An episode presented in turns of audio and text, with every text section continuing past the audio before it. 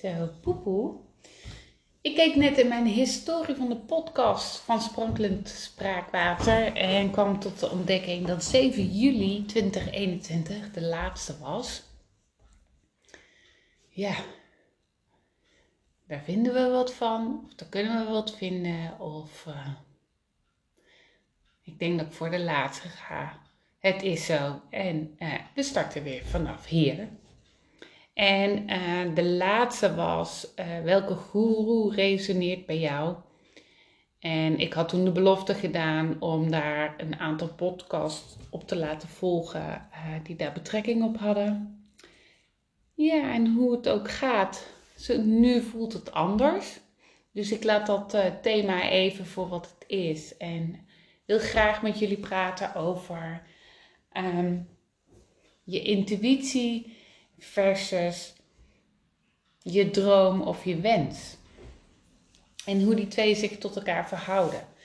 En um, mijn wens is al zeker sinds de geboorte van mijn zoontje, dus acht jaar geleden, dat ik veel meer intuïtief, maar ook met behulp van spirit en dus mediumschap, mijn opstellingen begeleid.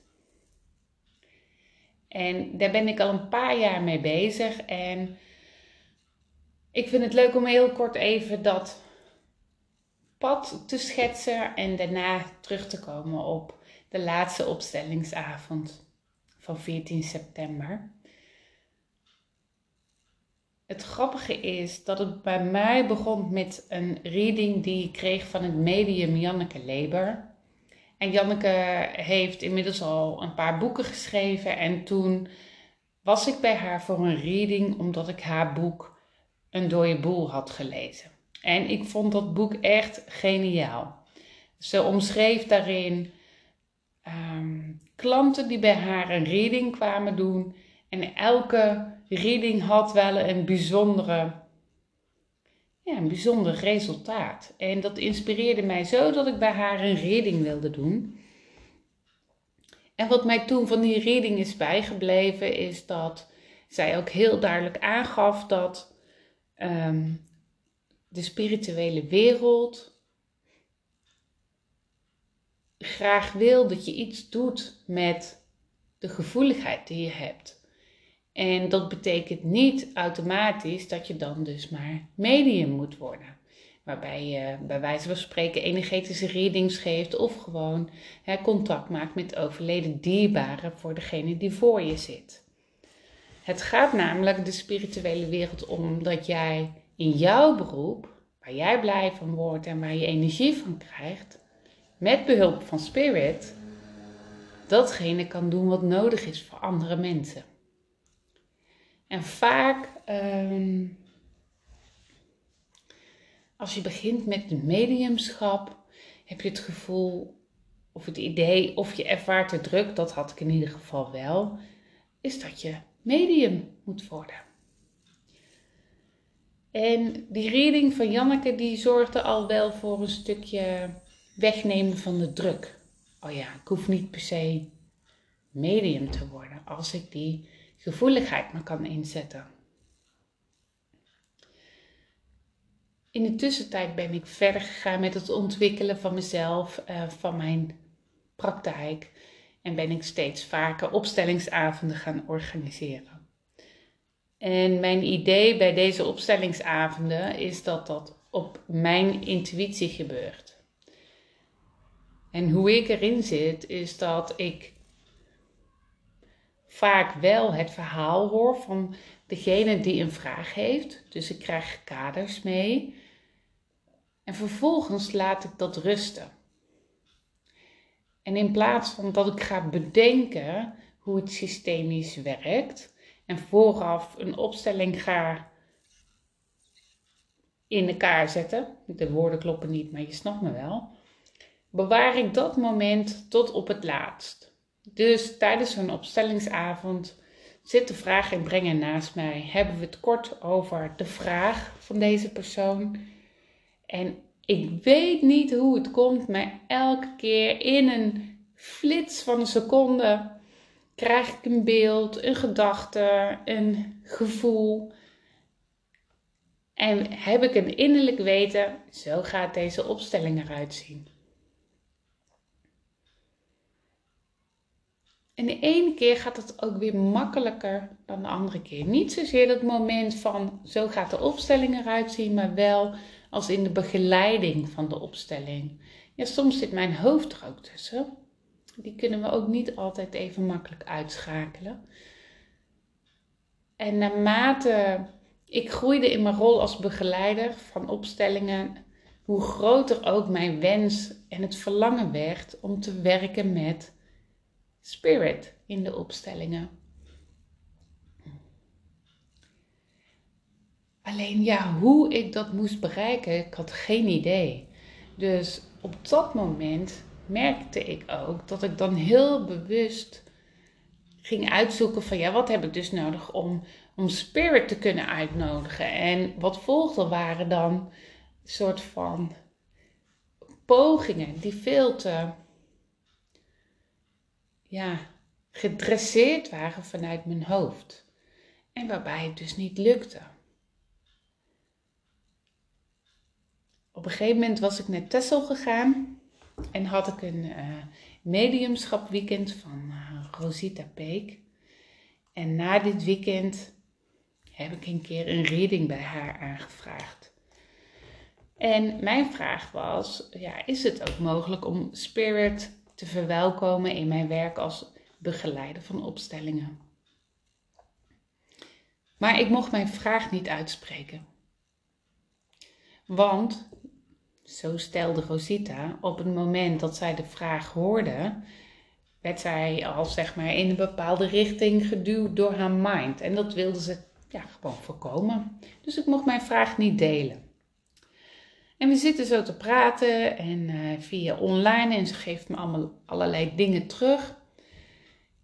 En verdomd, op een gegeven moment zegt ze gewoon: Ja, ik voel ook dat je veel meer mag doen met spirit en met opstellingen en met uh, spirit in de opstellingen.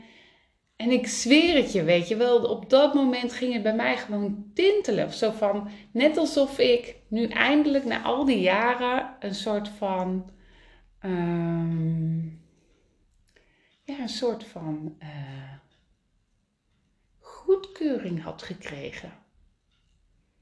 Terwijl die natuurlijk helemaal niet op die manier gegeven wordt vanuit de spirit, want alles is goed vanuit hen bekeken. En ik weet niet meer wanneer die uh, reading met Rosita Peek was. En ook na die reading met Rosita ging ik daar weer heel bewust uh, over nadenken. Wat moet ik doen? Wat moet ik laten? Hoe pak ik dit aan?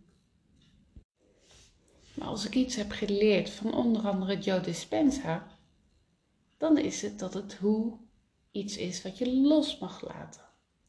Dat je natuurlijk wel je wens en je verlangen mag hebben, maar dat hoe zich iets openbaart, je dat juist laat rusten. Want hoe het zich openbaart kan langs heel veel wegen. En juist dat is zo superleuk om los te laten.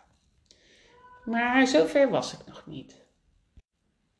En vervolgens uh, ging ik daar weer mee verder. Begin van dit jaar had ik ineens het idee van ja, ik moet toch iets met de prijzen van mijn opstellingsavonden. En nadat ik deze verhoogd had, omdat ik onder de markt werkte, kreeg ik ineens heel veel aanmeldingen. En bleek dat elke opstellingsavond vol zat. En vervolgens kwam dat meer intuïtief en meer met spirit samenwerken, kwam ook steeds meer naar boven. Terwijl dat toch al wel een tijdje rustig was geweest. En op een gegeven moment merkte ik ook weer dat ehm, iets in dat begeleiden dan weer niet goed ging. want soms uh, krijg je ook weer even een dipje. Um, ja, en dan moet je ook doorheen, want dat wil niet zeggen dat je nog meer dipjes ervaart. En ondertussen was ik ook allemaal bezig met het wegwerken van oude blokkades, het wegwerken van oude patronen. Ik werd even tussendoor gebeld en op een gegeven moment ehm, werd ik door een goede vriend gevraagd of ik ehm, zijn vraag wilde begeleiden in een opstelling. Waarbij ik het gevoel had, jeetje, ik ken hem zo goed en moet ik dat nu wel doen? Dus er kwamen allerlei vragen naar voren. Ehm, waarbij ik daaraan twijfelde, maar diep van binnen voelde ik ook direct van ja, nee, ehm, dit is juist en dit, dit kan ik en dit ga ik doen. Nou, en vorige week hadden we die opstellingsavond. En het bijzondere aan de voorbereiding van deze avond was dat um, ik zeg maar de avond ging voorbereiden aan de hand van meditaties. En tijdens een aantal meditaties aan de voorkant van de avond kreeg ik allemaal dingen door. Nou, wat kreeg ik dan bijvoorbeeld door? Ik kreeg informatie door over de vraaginbrenger. Ik kreeg Ehm, informatie door over wat de representanten zouden moeten doen. Ik voelde welk nummer ik moest opzetten bij aanvang van de avond. En zo waren er nog steeds een paar dingen waarvan ik dacht: hé, wat bijzonder dat dat nu ineens gebeurt, maar ik schreef het op. Met de intentie, ja, ik krijg het niet voor niks door. Ik ga het wel uitvoeren op de opstellingsavond zoals ik het nu doorkrijg. Op de dag zelf ging ik mediteren en kreeg ik een gedicht voor. En ik voelde ook zo dat dit gedicht hoorde bij de avond. Dus had ik het opgeschreven op de flip over. En voor mij was de grootste uitdaging niet het feit dat spirit hierbij betrokken was of mijn intuïtie. Nee, dat, daar was ik vol van overtuigd dat dat juist wel het geval was. Maar de grootste uitdaging was juist het uitvoeren zoals ik het had doorgekregen. Punt, dat was de uitdaging. Want ja, hoe vaak heb je niet dat je hoofd dan toch iets zegt in de trant van, ja, maar weet je, Moeten we dat lied nu afspelen? Zo'n zwaar nummer. Duurt wel zeven minuten. Of ja, dat gedicht, ja, ja, het is niet helemaal logisch. Het rijmt ook niet helemaal. Moet ik dat wel opschrijven? Moet ik dat voordragen? Dus ik had me er eigenlijk heel makkelijk af van kunnen maken. En dat heb ik niet gedaan. Dus ik heb dat nummer gedraaid het zware nummer dat 7 minuten duurt. Ik heb alle representanten gevraagd of ze een krachtbron mee willen nemen.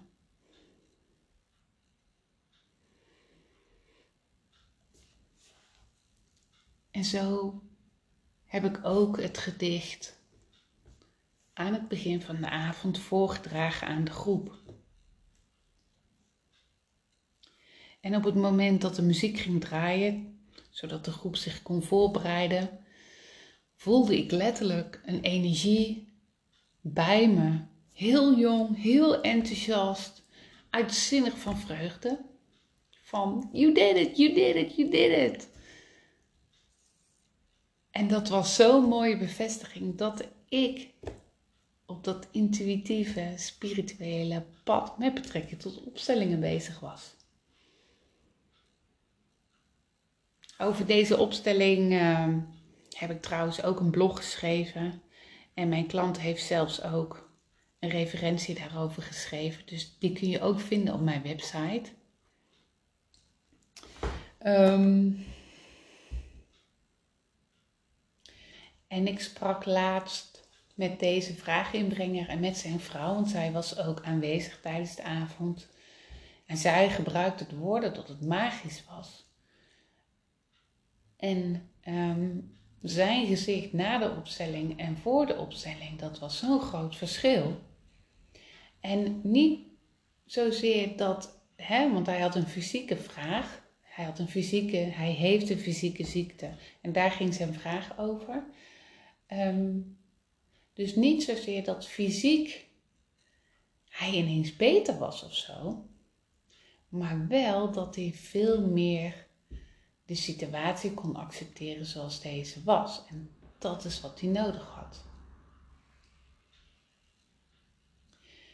Nou, wat ik met deze lange podcast uh, wil zeggen is van, ja, weet je, soms kan het gewoon echt jaren duren voordat je bent daar waar je wil zijn. En de belangrijkste boodschap die ik heb is dat je echt niet op mag geven. En um, even samengevat aan de hand van mijn verhaal zijn wat tips. Als eerste, schakel de denkvragen uit. Dat zijn vragen die beginnen met hoe, wat, waar, wanneer, welke, wie. Want die vragen triggeren jouw brein, triggeren jouw ratio. En bij dit soort zaken is het juist van belang te voelen en je intuïtie in te zetten. De tweede tip is ook dat je je vooral focust op je einddoel en dat je je einddoel visualiseert. Van ja, wat gebeurt er dan? Hoe ziet zo'n situatie er dan uit? Zonder daar die woorden bij te gebruiken, maar echt zie je het als een droom in je hoofd. Wat ook van belang is, en dat is de derde tip, is dat je ook aan innerlijk werk blijft doen. Dus blijf aan jezelf werken, blijf aan je professionaliteit werken. We weten niet hoeveel onbewuste patronen we hebben. En door daar bewust van te zijn en aan te blijven werken, maak je ook vanzelf weer het pad vrij voor nieuwe situaties die je helpen om daar te komen waar je wil zijn. En de vierde tip is: zeg ook niet nee, dus zeg ja tegen een uitdaging. Wat ik vertelde was dat die goede vriend mij vroeg hem te begeleiden. Waarbij ik dacht, ja, maar straks gaat dat tegen me werken, want ik ken hem en ben ik geen zuiver instrument meer. Maar ik weet niet wat er gebeurt op zo'n avond. Op zo'n avond ben ik gevoel. En op het moment dat zo'n opstelling start, zit ik volledig in die rol van intuïtie en gevoel. En ben ik echt dat doorgeefluik tussen spirit, het universum, hoe je het ook wil noemen, mijn intuïtie en de vraag inbrengen. Want ik dien zijn vraag. Ook voor mij was het een hele mooie bevestiging om te ervaren dat alles wat ik vooraf had aangevoeld in de meditaties, dat dat ook klopte. Dus een grote les was ook wel van, en dat is tip 5, vertrouw erop. Vertrouw erop dat hetgene je doorkrijgt, datgene is wat nodig is.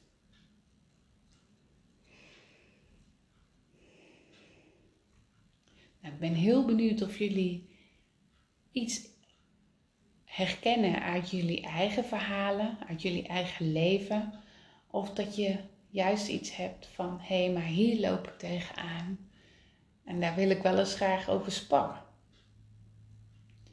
Nou, neem dan gerust contact met me op en we kunnen erover sparren. Ik wens je nog een fijne dag. Groetjes!